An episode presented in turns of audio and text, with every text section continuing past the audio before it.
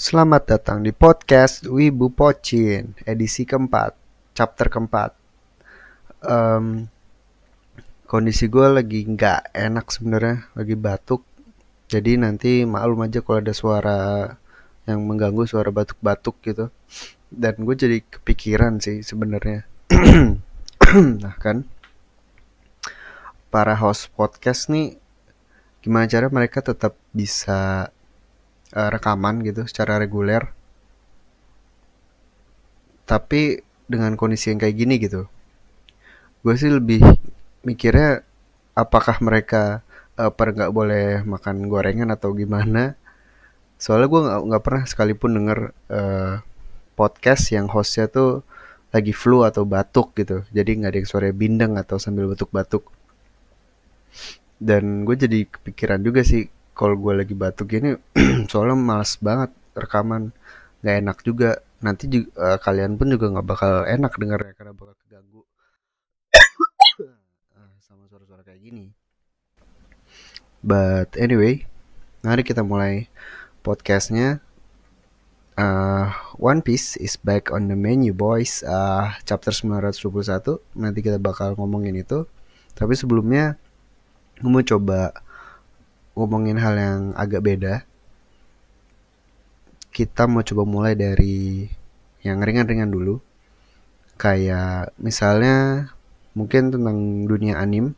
Karena dulu gue pernah, emang pernah bilang kan di deskripsinya pun gue bilang uh, podcast ini bakal membahas tentang manga dan anim.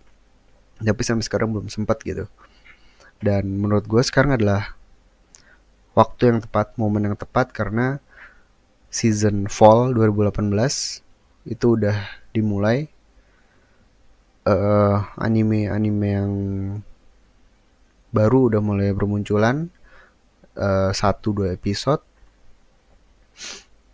Dan salah satunya adalah Shingeki no Kyojin. Sebenarnya rencananya mereka mestinya lanjut di season ini untuk episode 13 sampai 24 untuk season ketiganya tapi ternyata mereka mengalami hiatus dulu dan akan tayang lagi pada tahun depan uh, bulan April. Jadi itu tuh season jadi abis fall itu winter abis itu spring. Jadi spring season 2019 Shingeki no Kyojin baru lanjut lagi. Padahal gila ini gue udah nungguin banget nih.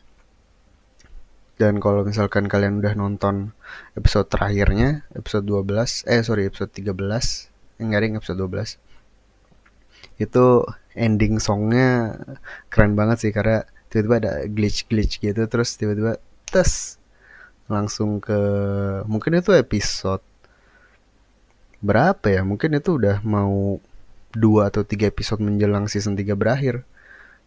Karena ditunjukin adegan yang salah satu yang gue tunggu-tunggu itu benar-benar climax dari arc uh, Shin Ganjina top sih uh, tapi move on dari Shingeki no Kyojin kita lihat anime yang udah tayang di season ini. Tentunya kalian pasti semua tahu sorry uh, yang lagi populer sekarang adalah Goblin Slayer. Uh, sangat populer terutama karena kontroversial ya kontennya. Uh, kalau kalian jadi penasaran uh, kenapa kontroversialnya um, mendingan nonton aja langsung. Soalnya kalau diceritain kurang seru sih.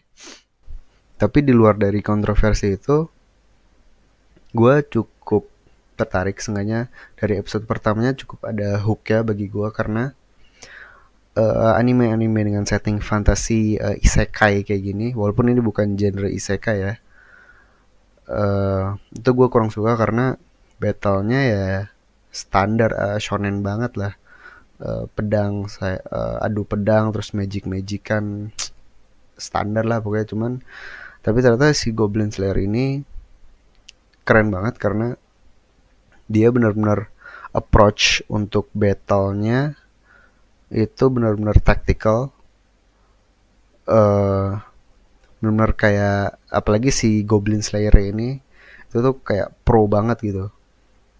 Jadi nggak ada tuh yang kayak ngelawan anak punya dulu baru lawan bosnya. Nanti kalian lihat kalau itu tuh bener-bener semuanya terencana. Dia ny nyiapin trap dia nyiapin equipmentnya gimana.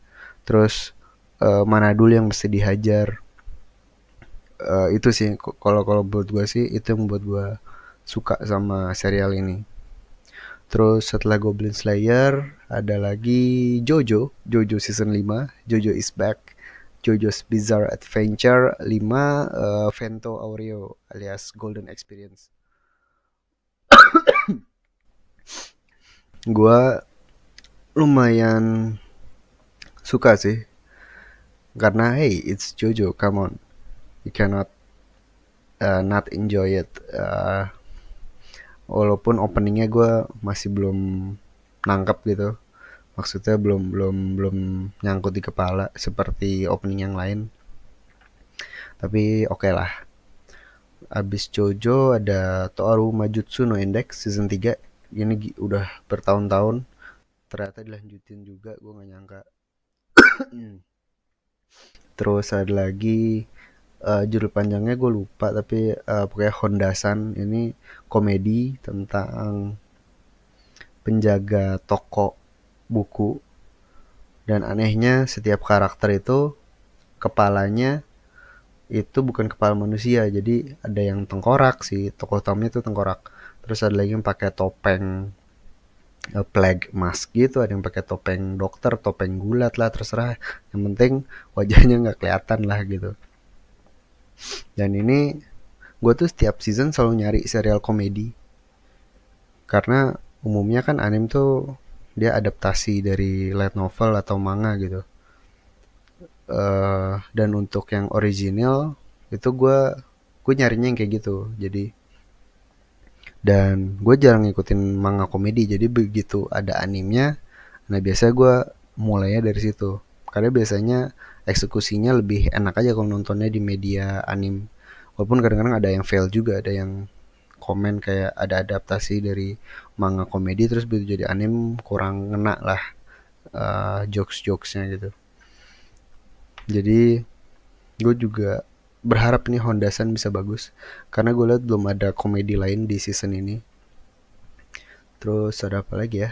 Um, ya mungkin untuk sementara itu dulu sih uh, top top uh, titlenya terus kita pindah ke dunia manga. Ada satu serial yang akan balik lagi, terbit lagi, itu adalah World Trigger. World Trigger akan kembali terbit di Shonen Jump uh, pada tanggal 29 Oktober di Jepang, yang berarti kalau di sini eh sorry maksudnya uh, scanlationnya untuk uh, online yang ilegal tentunya itu kemungkinan bakal terbit dua tiga hari lebih cepat. Jadi di kita bisa expect di minggu ini dari tanggal 25 sampai 27 atau 28 mungkin tergantung tim scan letternya itu udah bisa kita baca duluan. Dan kalau kalian belum pernah baca World Trigger, please baca. Ini serial keren banget. Gue kalau serial ini nggak mengalami hiatus panjang, gue yakin uh, serial ini tuh bisa jadi contender kuat untuk menjadi big three di Shonen Jump. Yang sekarang diisi oleh uh, selain One Piece ada Boku no Hero, Haikyuu dan Black Clover. Dan mereka bertiga ini sebenarnya masih uh, bukan nggak konsisten ya tapi uh, posisinya memang masih suka naik turun. Karena memang uh, mungkin standar dari Shonen Jump sendiri udah meningkat. Selain One Piece tuh yang lain tuh seri-seri lain sama-sama bagus gitu.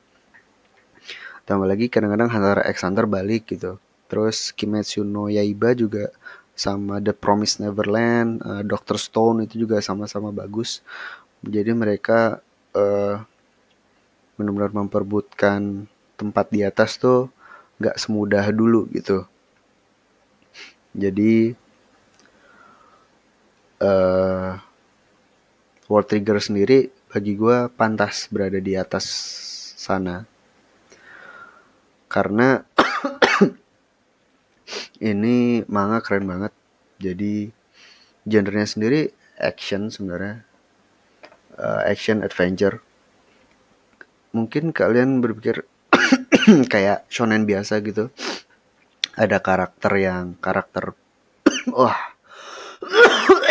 Wah kacau batuk gua. Uh, ada karakter yang lemah gitu kan. Protagonis yang lemah dan ingin menjadi kuat terus uniknya di sini dia uh, double protagonis. Jadi ada satu main karakter lagi yang memang udah imba dari awal lah gitu. Dia dia OP memang. Uh, tapi mereka dua mereka berdua bekerja sama untuk mencapai tujuan ya. Jadi settingannya tuh kayak eh, anak-anak muda. Cuma di dunia itu ada alien yang menginvasi mereka lewat dimensi lain terus ya udah anak-anak ini bergabung dalam suatu organisasi yang khusus untuk uh, mengeksterminate uh, alien-alien ini. Dan yang membuat keren adalah battlenya itu top class uh, menurut gue battle itu lebih ke tactical analytical dan sangat real gitu. Nggak ada willpower nggak ada teknik khusus nggak ada jurus-jurus jutsu-jutsu. Uh, it's simply execution and tactic. Dan menurut gue keren banget. Karena uh, senjata-senjata yang ada di dalam seri ini juga kayak standar gitu loh. Jadi uh, benar-benar kalau untuk melee itu ada pedang pedang terus kayak ada yang pedangnya panjang ada yang pedangnya agak pendek terus jadi bisa dual wield ada yang dimodif jadi spear terus untuk range-nya sendiri itu uh, ya pakai pistol-pistol. Terus untuk yang uh, high damage-nya itu pakai sniper. Jadi benar-benar tuh tiap weaponnya tuh ada plus dan minusnya. Dan itu membuat strategi dan taktiknya tuh jadi benar-benar kepake gitu loh. Ditambah lagi uh, seperti yang gue bilang, gue bilang tadi si protagonis yang pertama ini dia relatif lemah dan gak punya bakat. Jadi mungkin kalau di situ ada yang namanya trion trion itu mirip kayak cakra kali ya. Cakra jadi uh, kayak bensin lahnya bensinnya lah gitu ya untuk yang bisa dipakai untuk mengoperasikan senjata-senjata tersebut. Nah, si tokoh utama ini trion yang ada dalam tubuh dia itu relatif rendah. Jadi jadi dia benar-benar harus make up untuk kekurangan dia yang jadi lebih kuat. Tapi di saat bersamaan dia sendiri fisiknya nggak nggak oke-oke amat gitu. Dan untuk mm, benar-benar to put things into perspective tuh jadi temennya dia itu yang pertama si yang imba ini dia itu benar-benar dia prodigy in battle uh, skillnya mumpuni dan trion levelnya lumayan tinggi. Itu temen yang pertama. Terus ada satu lagi temennya uh, cewek kecil. Tapi dia bener-bener spesial saking spesialnya di mungkin di satu organisasi uh, namanya border di cerita ini. Uh, di organisasi itu tuh dia sendiri yang memiliki kapasitas trion yang luar biasa besar. Jauh lebih besar daripada yang lain. Dan lebih gilanya lagi karena dia pakai sniper. Jadi uh, sniper tadi yang gue bilang dia jarak jauh tapi damage-nya besar damage outputnya besar. Tambah lagi karena dia trion levelnya sangat tinggi sekali tembak tuh udah kayak bazooka udah kayak railgun keren banget uh, dan itu tuh bener-bener membuat si tokoh utama ini si Osamu namanya benar-benar berpikir keras gimana caranya gue bisa jadi kuat gimana gue bisa membantu teman-teman tim gue dan progresnya di sini tuh benar-benar realistis. Eh, nggak uh, ada yang abis satu sesi training dapat tiba-tiba dapat satu jutsu baru kan terus uh, abis dipamer kekuatan barunya jadi menang terus jadi lebih kuat gitu. Ini tuh bener-bener uh, benar-benar real banget kayak begitu dia ada suatu sesi latihan gitu itu tuh nggak langsung kelihatan hasilnya. Dan menurut gue lebih ke kejam kali ya. Karena benar-benar uh, harsh banget. Di sini tuh sering banget si Osamu ini tuh kalah. Dan kalahnya tuh bener-bener nggak nggak nggak nggak ketulungan. Kadang-kadang dibantai kadang-kadang uh, baru mulai berantem berapa lama atau langsung kalah gitu. Jadi si uh, teman-temannya uh, lanjut aja gitu berantem dianya udah kalah duluan. Tapi kelihatan progres up. Jadi tuh awalnya dia pakai senjata apa terus nanti dia dapat ide bahwa dia harus uh, menggunakan senjatanya dengan cara tertentu. Terus nanti pelan-pelan dia dapat senjata baru dapat apa dapat trik baru. Dan sampai chapter terakhir pun progres dia masih bagi gue masih sangat jauh gitu dibanding karakter yang lain. Tapi benar-benar terlihat bahwa dia ini emang tipenya uh, brain. Di uh, he is the brain of the team gitu. Dia lebih ke commanding lebih ke uh, taktik dan strategi. Walaupun dia sendiri udah udah bertekad gitu. Gue harus jadi sengganya lebih kuat lah untuk mengejar ketertinggalan dari teman-teman yang lain. Dan itu benar-benar kerasa gitu loh begitu kita baca tuh benar-benar bagi gue sih uh, sangat-sangat relatable nih si Osamu ini jadi uh, kalau bagi gue ini salah satu serial manga shonen uh, yang top banget lah kalian harus baca. ngomong ngomong-ngomong tentang World Trigger uh, yang mau gue bahas berikutnya adalah jadi ini kan mau terbit lagi akhir Oktober. Nah, chapter terakhir dari World Trigger ini yang terbit di Shonen Jump itu adalah pada bulan November 2016. Jadi kalau memang nanti nggak ada halangan dan bakal terbit di minggu ini, berarti jarak antara chapter terakhir dengan chapter yang akan terbit ini itu adalah sekitar uh, satu satu tahun 11 bulan. Bener-bener uh, kalau nambah sebulan lagi tuh dia bakal hiatus nama dua tahun, dua tahun penuh gitu. Dan ini nih ini nih lama banget karena kalau buat sebagai perbandingan gitu mungkin kalian tahu uh, Berserk dan Hunter x Hunter sebagai serial yang langganan uh, libur lah langganan hiatus langganan break mungkin kalau dihitung totalnya ya World Trigger masih kalah lah sama x Hunter atau Berserk tapi yang menarik di sini adalah untuk longest streak streaknya untuk uh, hiatus ini uh, World Trigger seperti yang gue bilang dari November 2016 berarti total uh, satu tahun 11 bulan. Berserk untuk uh, hiatus streak yang paling lama itu adalah satu tahun 10 bulan dan untuk Hunter x Hunter itu adalah satu tahun empat uh, bulan. Jadi World Trigger ini mengalahkan Hunter x Hunter dan Berserk untuk rekor uh, hiatus terpanjang gitu loh. Untuk sesi hiatus terpanjang. Dan ini gue bener-bener gue gue gue gue putus harapan sih uh, abis tahu hiatus terus kayak udah setahun satu tahun setengah nggak ada kabar gitu. Wah gue gue sedih sih karena seperti gue bilang tadi gue benar-benar suka sama serial ini dan sayang banget kalau nggak dilanjutin gitu. Dan sebenarnya cap uh, serial ini dilanjutin pun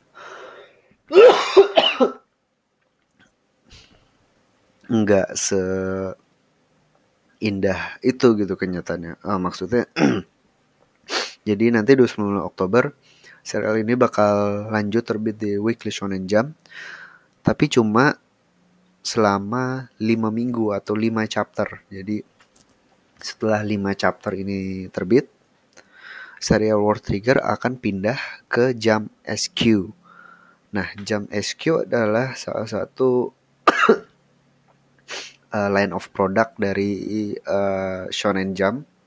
Jadi Shonen Jump ini kan sebenarnya uh, majalah komik mingguan terbitan dari editorial uh, Shueisha. Nah, uh, semua komik-komik top tuh di situ uh, Naruto, Goku, eh Goku, uh, Naruto, Dragon Ball, One Piece, uh, Bleach, uh, Subasa, uh, Yu-Gi-Oh itu tuh terbitnya di situ semua. Nah, selain si Weekly Shonen Jump ini, mereka juga punya beberapa uh, produk lain seperti ya si Jump SQ ini. Nah, Jump SQ ini dia itu sifatnya terbit bulanan. Dia terbit sebulan sekali. Mungkin untuk contoh manga yang terbit sebulan sekali ya Shingeki no Kyojin gitu.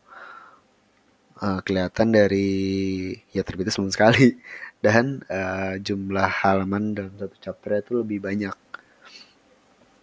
Nah, uh, jadi si World Tiger ini pindah ke Jam SQ. Oh ya, uh, Jam SQ ini serial-serial yang terbit di dalamnya itu yang cukup populer itu ada uh, Blue Exorcist, ada lagi Seraph of the End, uh, Owari no Seraph, terus ada juga The Grey Man. Uh, ada juga kalau nggak salah tuh serial Samurai X yang baru, serial Rurouni Kenshin yang baru tuh terbitnya di situ juga.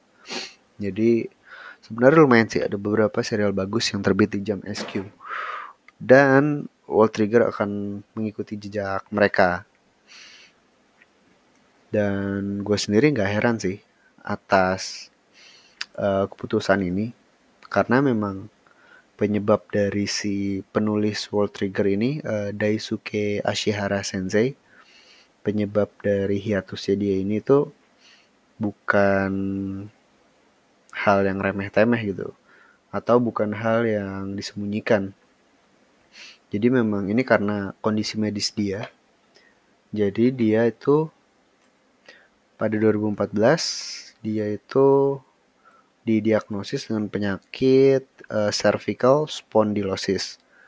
Cervical spondylosis itu adalah uh, bukan kelainan ya, uh, ya penyakit lah, penyakit yang menyerang uh, tulang belakang, khususnya di bagian leher. Jadi uh, beberapa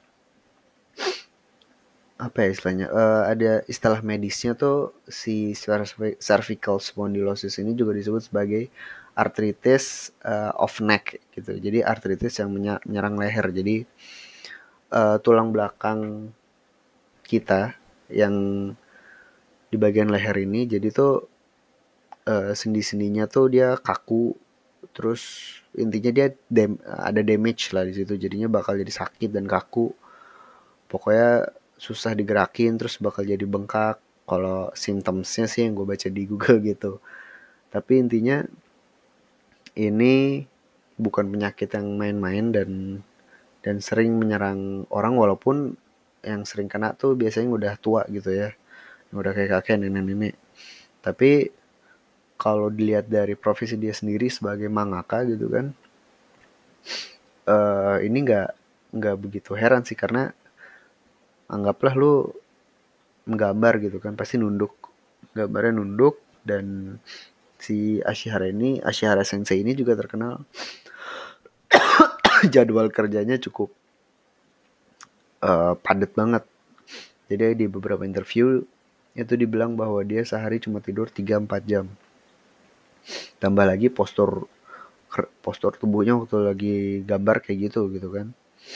Jadi uh, in a sense uh, bukan wajar sih tapi eh, nggak uh, heran lah kalau dia bisa-bisa kena yang kayak gitu. Mungkin dia dia sendiri nggak begitu mungkin dia terlalu force memforce kerjaannya. Mungkin dia terlalu maksain gitu sampai jadi terjadi kayak gitu.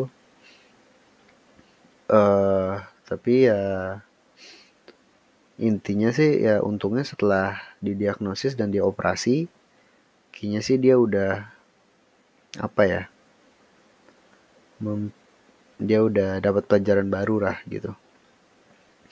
Untuk uh, bagaimana menjaga dirinya gitu menjaga jadwal kerjanya juga. Dan ini juga bisa jadi pelajaran buat mangaka mangaka mangaka yang lain untuk uh, tidak terlalu memforsir pekerjaannya kalau di Jepang sendiri sih memang kan memang ada ya budaya budaya kerja yang keras gitu loh. Jadi uh, sorry sorry uh, overwork workaholic. Di Jepang tuh workaholic udah kayak normal banget. Lu kerja pagi pulang malam terus ada beberapa hal budaya yang aneh kayak kalau bos belum pulang lu belum boleh pulang. Bukan belum boleh sih kayak lu lu bakal terus bakal segen buat pulang kayak gitu dan hal-hal lain lah pokoknya. Kerja kerja sampai Sabtu. Liburnya cuma minggu doang gitu pun. Kadang masih kerja. Uh, jadi ya gitulah. Ya gue coba berharap setelah lanjut ke jam SQ nih bisa reguler lah si Daisuke Ashihara ini dalam menerbitkan World Trigger. Karena gue sangat tungguin gue sangat suka serialnya dan semoga dia dia, dia juga bisa menjaga kesehatannya uh, buat kalian yang mau mulai baca World Trigger gue sih nyaranin untuk baca baca manganya aja langsung. Gue nggak tahu di Gramet udah ada versi komiknya atau belum gitu. Kayak gue belum pernah lihat sih. Ada nggak ya? Kayaknya ada sih tapi kalau emang ada langsung aja ke Gramet beli komiknya terakhir tuh volume 18 kalau nggak salah uh, karena gue bilang baca karena gue sangat gue kurang menyarankan untuk kalian nonton animenya.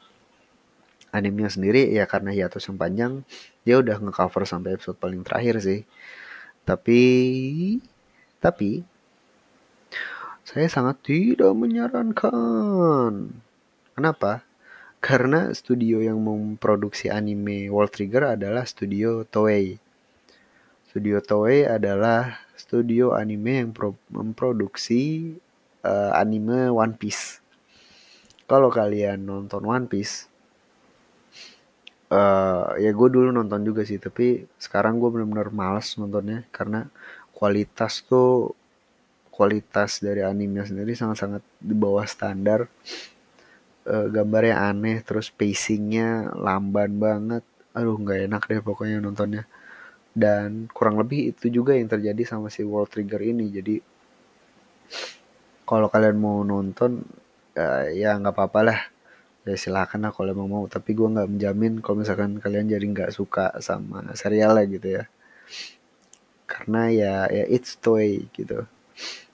Ya, kualitasnya tidak terjamin jujur aja dan ya please baca animenya aja hehehe baca animenya baca manganya aja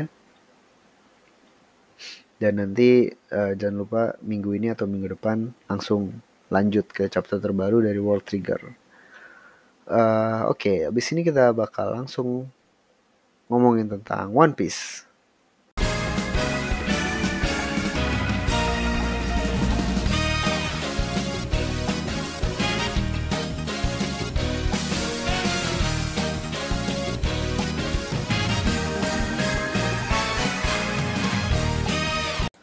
Ya, balik lagi dan kita akan langsung ngomongin One Piece chapter 921.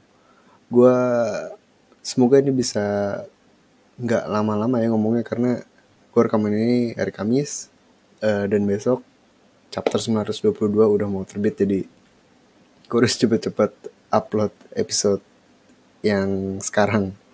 Oke, langsung aja. Chapter 921 judulnya Shuten Maru. Uh, judul yang cukup deceiving bagi gue dan kita semua mungkin. Karena oke okay, emang ini tentang Shuten Maru tapi ujung-ujungnya bam yang akhirnya semua orang omongin bukan Shuten Maru oke okay, langsung aja di covernya Shonen Jump.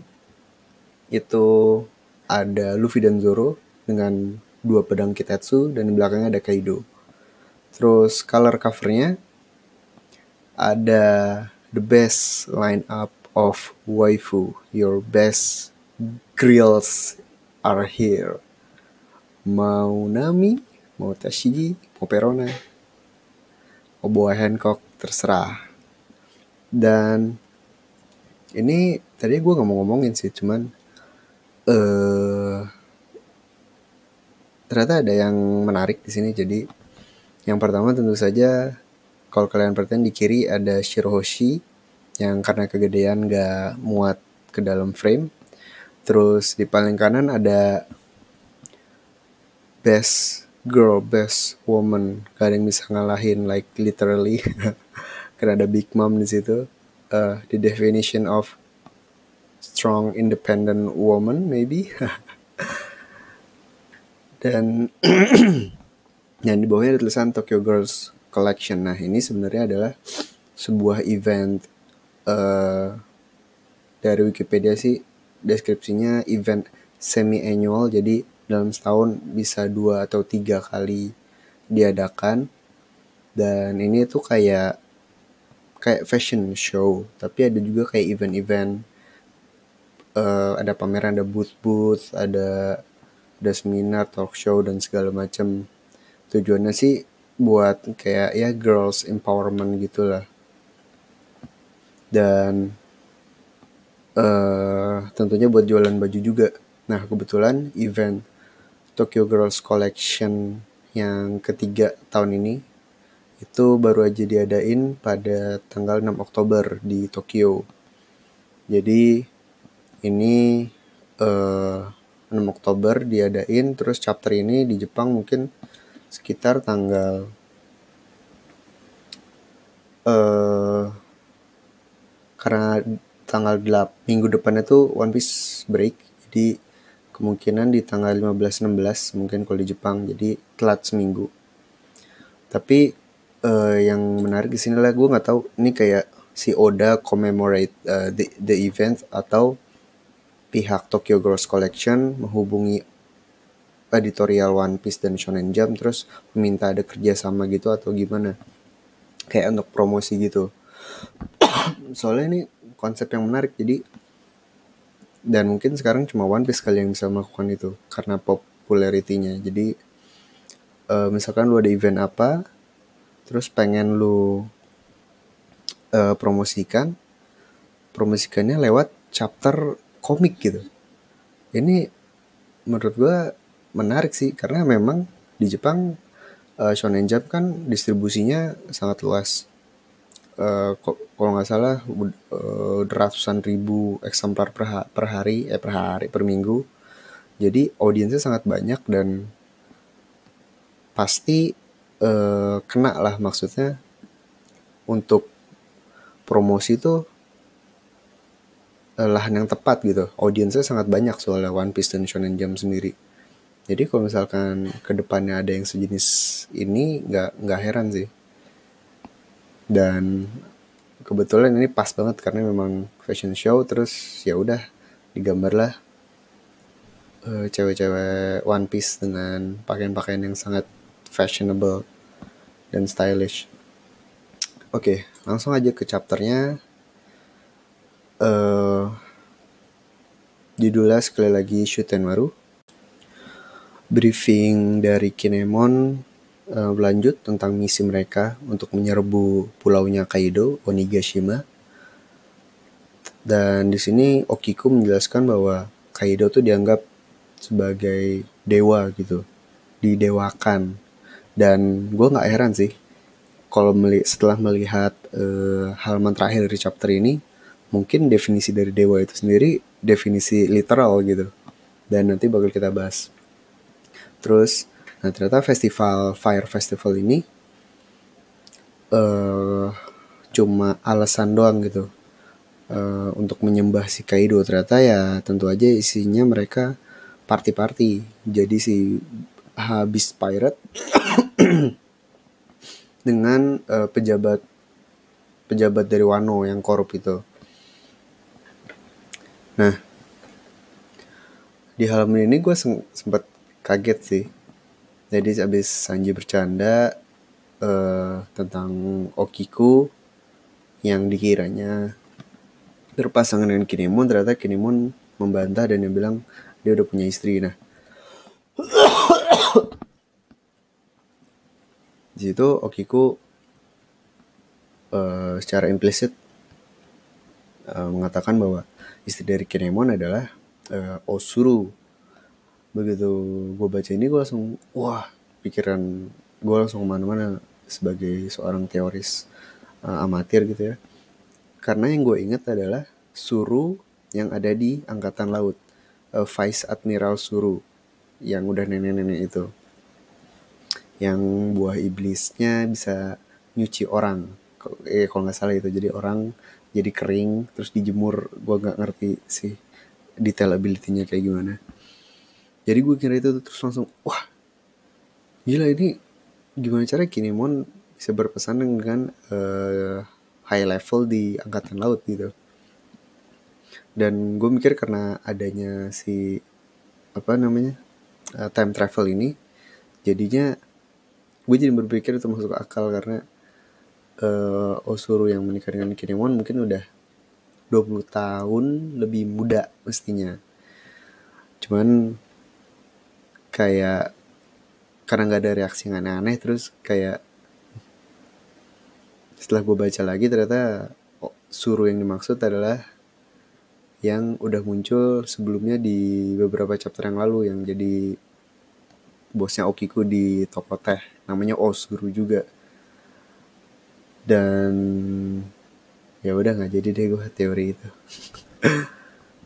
Uh, cuman anehnya dia bilangnya uh, Osuru kalian baik-baik aja. Terus kata Kinemon ah lu ketemu. Terus kata Okiku iya tapi dia nggak sadar.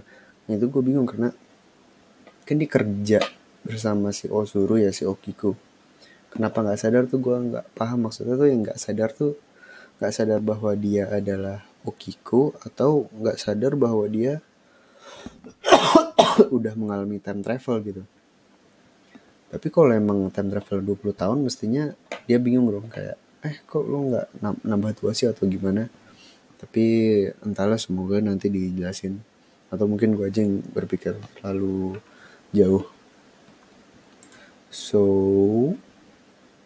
next Kinemon briefingnya lanjut. Dia menyebarkan undangan kepada para simpatisan Oden. Dikirimkan kepada orang-orang yang punya tato bulan sabit di kaki kiri mereka. Nah yang gambar undangan ini gue agak tadi gue mau cari reference-reference gitu tapi nggak sempet sih. Uh, dan nggak langsung familiar juga begitu dilihat jadi ya ya udah skip aja. Terus dia lanjut lagi dengan job class job class distribution buat uh, tim topi jerami yang dari whole cake. Nah ini ini kocak banget sih parah. Ini dua halaman pure komedi dan gue ngakak. Dimulai dari detail kecil yang uh, Chopper mau jadi ninja terus Nami Nami juga mau dijadiin Kunoichi kan. Terus anggapan dia begitu ngayal cuma kayak model model kayak maling-maling Jepang gitu yang pakai kain terus uh, diikat di depan hidung. Terus habis Kinemon menggunakan buah iblisnya yang bisa membuat orang jadi menyamar. Set si Chopper jadi basic ninja gitu cuman lucu kan. Terus Brook Brook tuh bangsat sih. Jadi uh, pakaian Brook adalah uh, yang umum ditunjukkan di media-media uh, untuk menggambarkan hantu di Jepang. Jadi kayak kimono put kimono putih, uh, terus ada kayak ikat kepala yang bentuknya kayak gitu tuh, ada segitiga gitu ke atas. Terus si Brook bilang, wah saya kira saya orang yang pakai celana dalam tapi di kepala. Jadi tuh perfect banget sih. Dan ditambah efek-efek panah gitu. Itu tuh kocak banget. Ditambah lagi rencana dari Kinemon adalah kemampuan kamu akan berguna untuk mengumpulkan makanan di ibu kota. Ini gue gue langsung tahu sih apa yang bakal terjadi. Jadi fungsi atau job dari Kinemon eh Kinemon dari Brook adalah berubah jadi spirit masuk rumah orang nakutin orang karena dia ya siapa yang nggak takut ngeliat hantu gitu. Kabur terus makannya dicolong. Udah itu aja. Gue yakin pasti kerjanya Brook kira-kira kayak gitu. Terus uh, Sanji standar lah bajunya. Uh, tapi mungkin kalau yang lengannya digulung itu kalau nggak salah uh, koki koki atau tukang masak di Jepang gitu sih. Karena dia emang jadi tukang masak kan terus tentu saja Nami sembah Oda sembah Gora sembah Gora baju yang luar biasa tapi ternyata dikerjain sama Kinemon. Nah selanjutnya ini lebih ngakak lagi. Ternyata dia manggil temennya yang dibilang real Kunoichi. Terus tiba-tiba set ya ini kayak flashback waktu Sanji berekspektasi tentang mermaid. Terus ternyata si nenek Kokoro uh, tentu saja di luar ekspektasi Sanji ya. Kira-kira kayak gitulah. Terus saya Sanji langsung mau pingsan. Nah si baju si Shinobu ini gue jadi keinget ini sih yang dulu kalau kalian mungkin nonton anim atau filmnya Ninja Boy. Itu mirip banget kayak basic Kunoichi yang udah tua kayak kayak kayak, kayak si Shinobu ini nih bajunya nah terus bukan cuma Shinobu yang muncul, Kinemon meminta satu request lagi dari Luffy dan kawan-kawan untuk menemukan tiga orang samurai yang dia dianggap sangat-sangat kuat. Uh, mereka adalah mantan apa ya pengawal dari Lord Oden dari Oden sendiri dan ada beberapa orang yang itu nanti aja dibahas ya. Uh, intinya ada tiga orang Kawamatsu, Denjiro dan Boy Ashura. Nah salah satu dari siluet ini sebenarnya nanti bakal mirip dengan karakter yang akan muncul di chapter ini. Jadi untuk sekarang uh, kan ada lima ya. Lima dari sembilan samurai itu lima orang udah ketahuan. Terus misalkan Shinobu adalah salah satu dari mereka itu jadi enam dan kalau ditambah dengan tiga orang yang baru ini itu bakal jadi sembilan. Uh, jadinya pas lah 9 orang. Tapi gue masih berasa beras merasa ada beberapa karakter yang uh, pantas buat dimasukin ke 9 samurai ini. Kayak si uh, Kinshiro kalau nggak salah namanya gue lupa. Kinshiro masih masuk tapi kalau dia masuk jadi 10 nah kemarin tuh gue ngitung si Momonosuke tapi menurut gue Momonosuke mungkin dia kayaknya nggak nggak masuk hitungan deh ada kemungkinan bahwa sembilan samurai ini sebenarnya adalah pasukan elitnya Oden waktu dia berkuasa menurut gue sih gitu. Oke. Okay. Next scene diperlihatkan Shuten Maru dan anak buahnya menjarah uh, leftovers town. Uh, dan di sini akhirnya kita melihat Shuten Maru si kepala bandit yang ada di hutan sekitar situ. Uh, tampangnya benar-benar kayak penjahat gitu kan tampang gendut terus kayak mukanya uh, cemberut dan sangat-sangat skeptis gitu. Kalau dari sini sih sangat terlihat kalau dia tuh ya ya tipikal orang jahat lah cuman di sini ada beberapa clue yang membuat gue merasa bahwa dia tuh sebenarnya bukan bukan tipikal orang jahat biasa gitu. Udah banyak juga sih yang ngomong uh, di komentar-komentar dan teori-teori dalam forum. Dan sebenarnya sih cukup obvious karena nanti bakal kelihatan lah ada suatu aturan ada suatu stereotip yang bakal langsung membuat kita merasa ah, ah kayaknya baik nih orang gitu. Nah jadi di sini dia terlihat mau membunuh seorang nenek-nenek dan tentu saja membuat efek oh dia jahat gitu kan.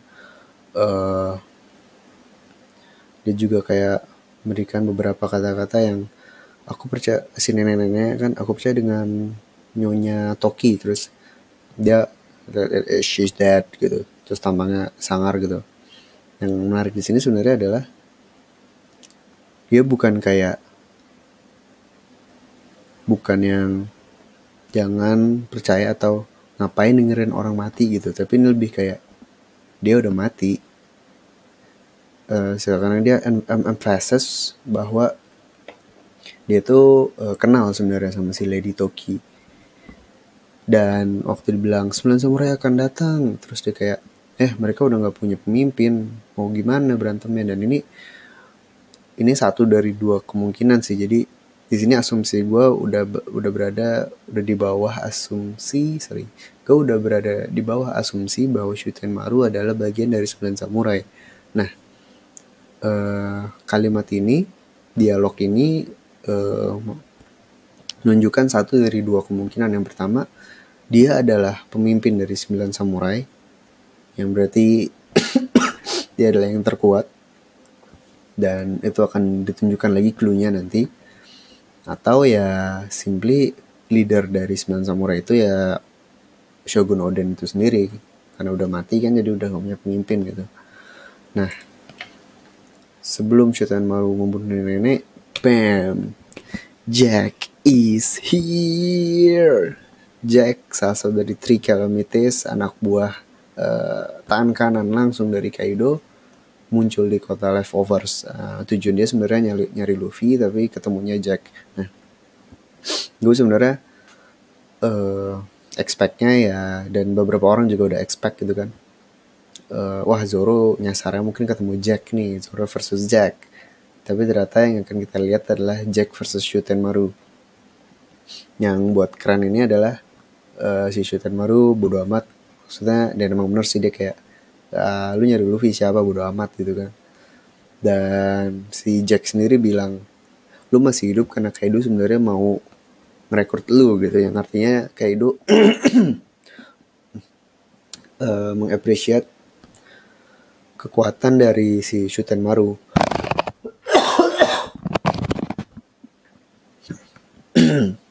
Dan dengan sesimpel itu Shuten Maru charging dan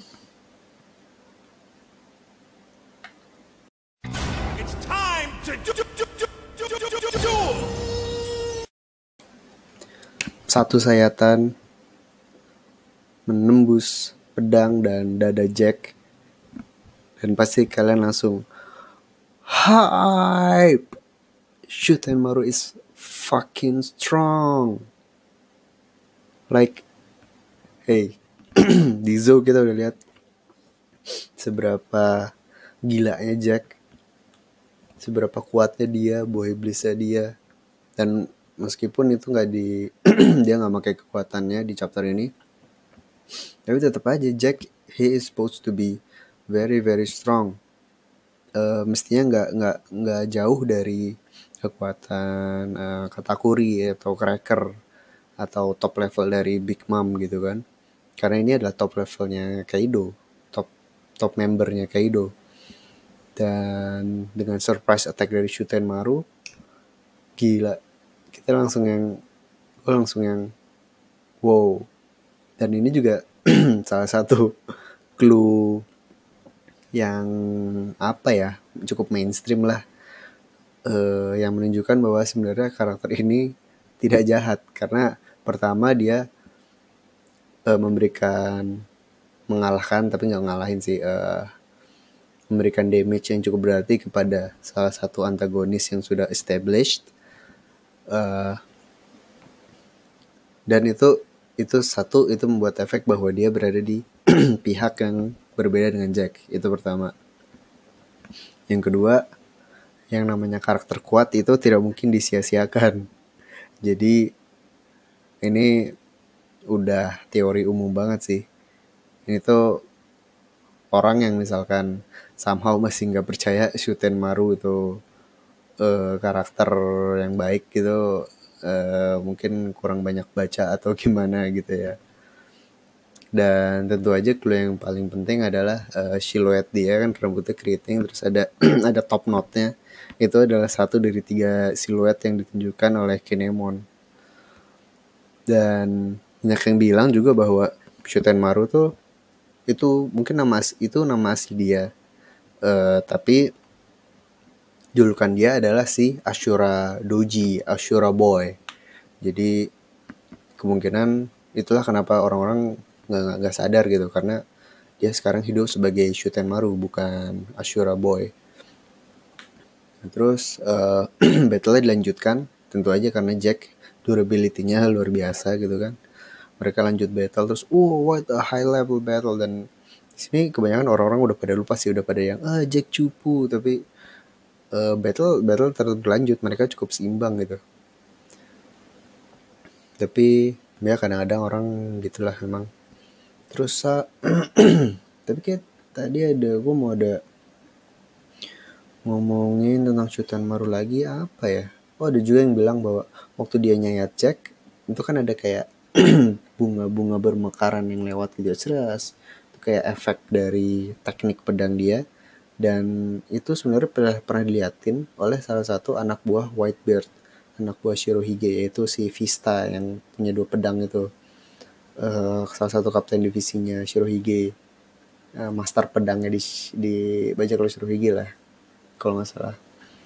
Dan begitu dia bertarung tuh ada itu juga ada kayak efek bunga-bunga daun-daun bunga gitu habis dia menyayat musuhnya.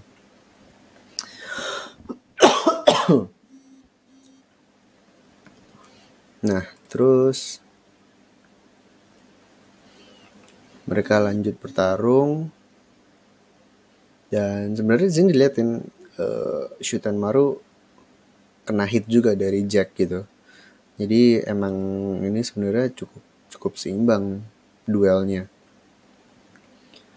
dan di saat gue berharap duel ini bisa berlangsung lebih lama gitu kan sampai selesai kalau bisa ternyata ada uh ya ya bentar bentar, bentar. tentang Jack tentang Jack. Jadi uh, eh, gue ngarep dia ketemu Zoro kan. Tapi ternyata dia ketemu Shuten Maru dan uh, kena damage yang cukup signifikan juga. Sebenarnya sih mungkin ada walaupun gak disebut tapi gue merasa kalau pengen disebut bisa aja gitu. Jadi karena Jack baru pulih kan dari sejak dia diangkut dari dasar laut setelah dihajar Zo jadi mungkin dia nggak lagi top condition gitu. Itu pertama. Terus yang kedua ya yang paling simpel kalau misalkan lagi ada kelompok jahat yang penuh bayangan gitu kan dalam shonen shonen umumnya ada suatu kelompok terus pada ditutupin semua gitu gelap misterius yang pertama muncul nih dari reveal set aku adalah orang dari kelompok ini.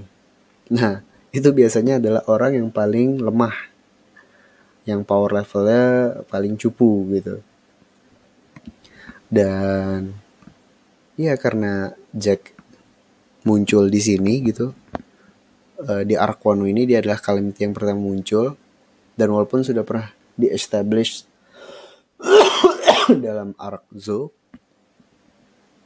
uh, tetap aja ini ini ini salah satu stereotype atau trope trope umum di cerita bahwa yang pertama muncul adalah yang paling lemah dan ini kemungkinan benar banget bahwa Jack adalah yang paling lemah dari Three Calamitiesnya Kaido. Jadi uh, bad newsnya bad newsnya adalah uh, Jack ternyata nggak sekuat yang kita kira. Good newsnya adalah ada orang yang lebih kuat dari Jack. Ada dua lagi. Gokil. Can't wait. Dan oke okay, lanjut lagi duel mereka ternyata terhenti karena tiba-tiba langit bergemuruh uh, dan wow Jack sangat kaget terus tiba-tiba pindah scene lagi ke tempat markasnya Luffy dan kawan-kawan uh, Lau yang sadar langsung manggil Luffy untuk uh, melihat uh, fenomena alam ini uh, by the way Beppo udah ada kayak yang gue bilang di uh, pembahasan chapter 920 ya atau 919 gue lupa uh, yang di mana Bebo sebenarnya baru aja bergabung dengan mereka tapi masih tiduran di lantai karena masih diare. Anyway, Lau manggil Luffy untuk cepet-cepetan keluar dari rumah karena dia harus menyaksikan hal yang luar biasa ini. Uh, ini judul chapter Shutenmore tuh jadi bener-bener kayak sebuah red herring dari Oda aja gitu bener-bener yang ya ya ya ini tentang Shutenmaru kok terus ternyata uh ada sosok yang memanggil Jack dari langit dan ini gue juga suka sih kayak Shutenmaru bukannya takut atau apa dia kayak marah gitu. Hah?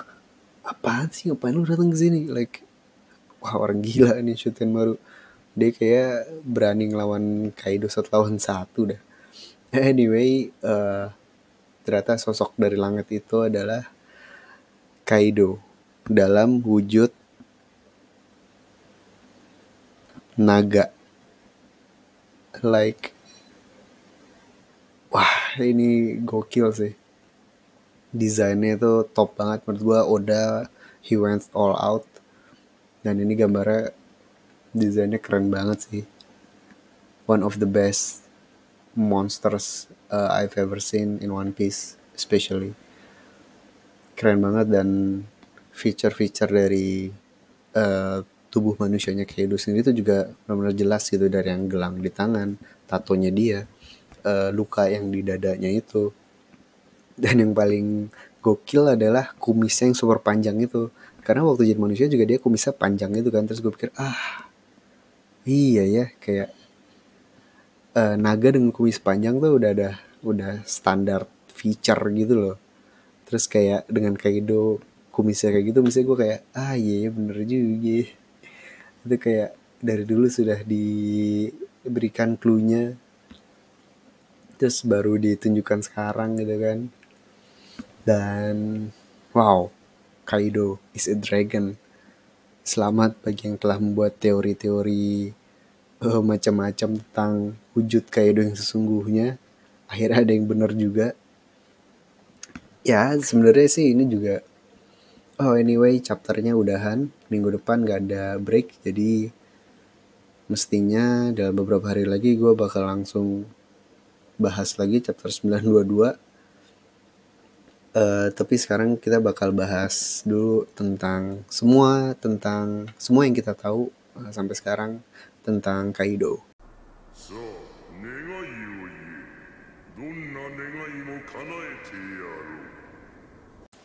Oke, balik lagi dan kita akan menyelesaikan pembahasan yang tersisa dari chapter 921 ini All About Kaido. kita mulai dari yang pertama, tentunya kemunculan dari Kaido ini posenya aduh kayak gak mungkin lah kalian gak langsung merasa familiar karena ini mirip banget dengan Shenron dari Dragon Ball, naga naganya Dragon Ball. Karena ya dari tipe naganya mirip gitu naga yang naga ular gitu kan naga ular panjang terus tiba dari langit set ngadep ke bawah.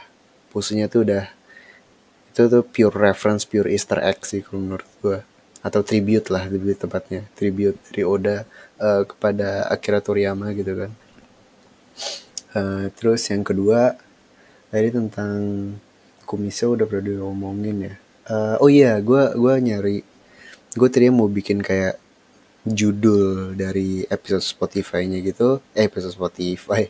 Judul dari podcast yang chapter ini kayak dari quote uh, terkenalnya Shenron gitu. Karena begitu melihat ini gue langsung kepikiran gitu. Terus gue nyari kan di YouTube video-video Shenron gitu uh, kayak quote dia atau begitu dia muncul tuh dia sukanya ngomong apa.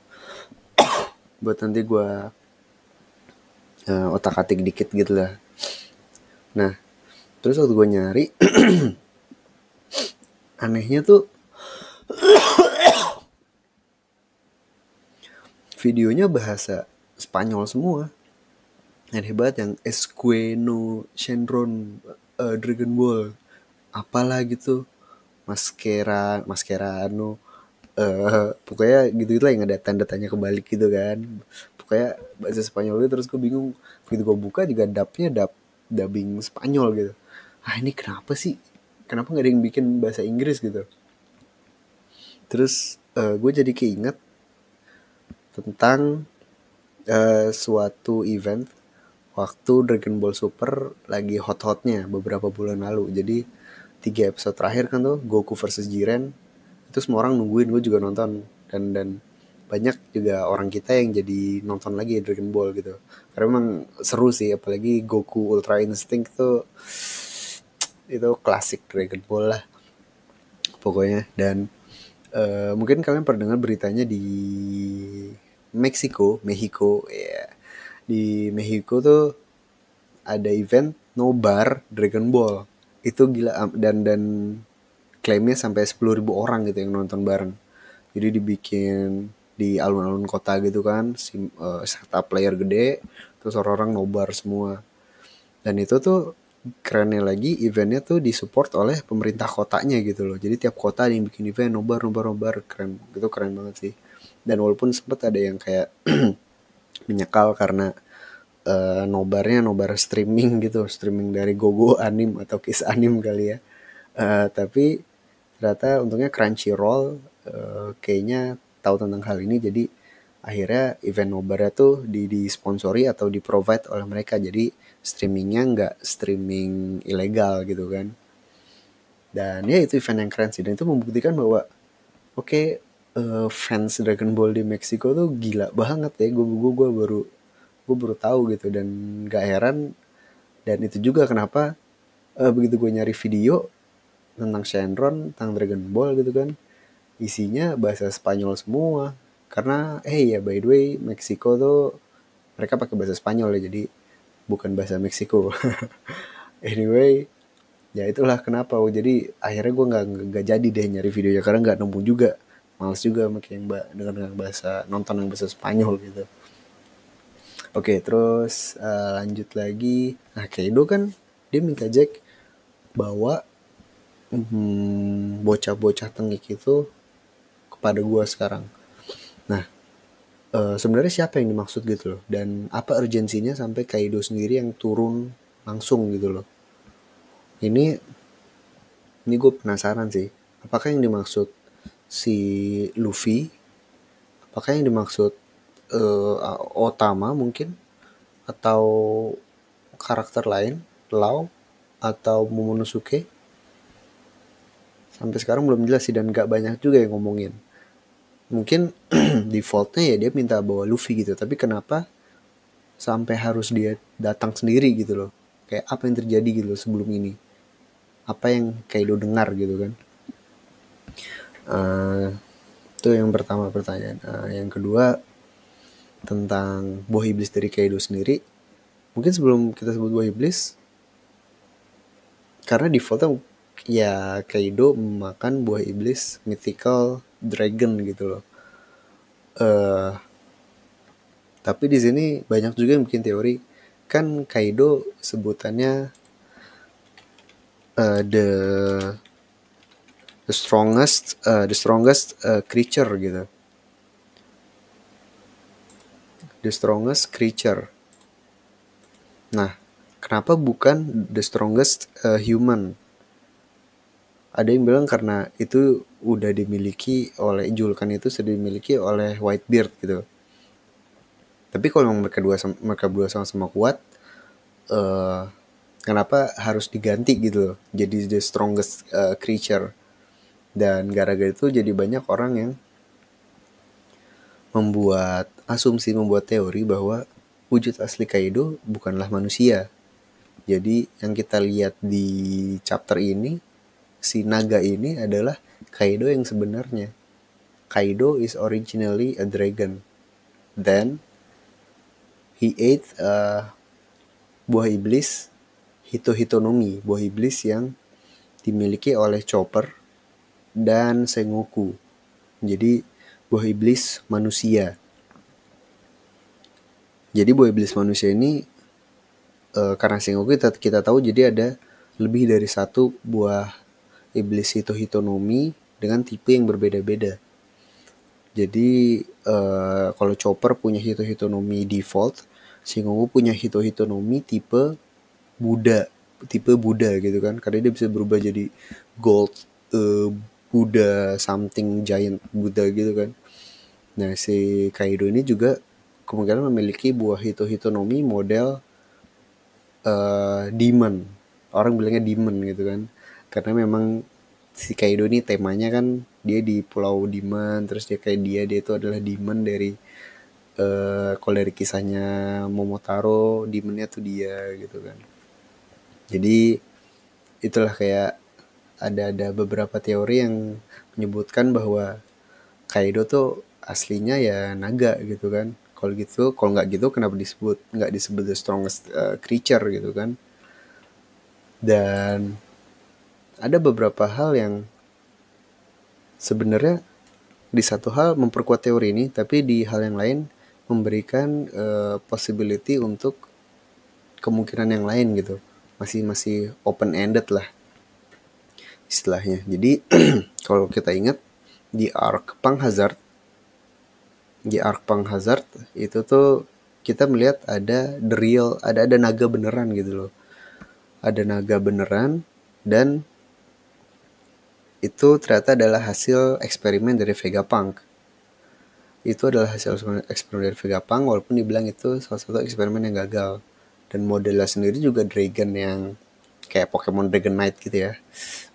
Gue lupa mitologi dragon tapi pokoknya dia itu model yang ada sayap ada tangan dan bisa berdiri gitu loh.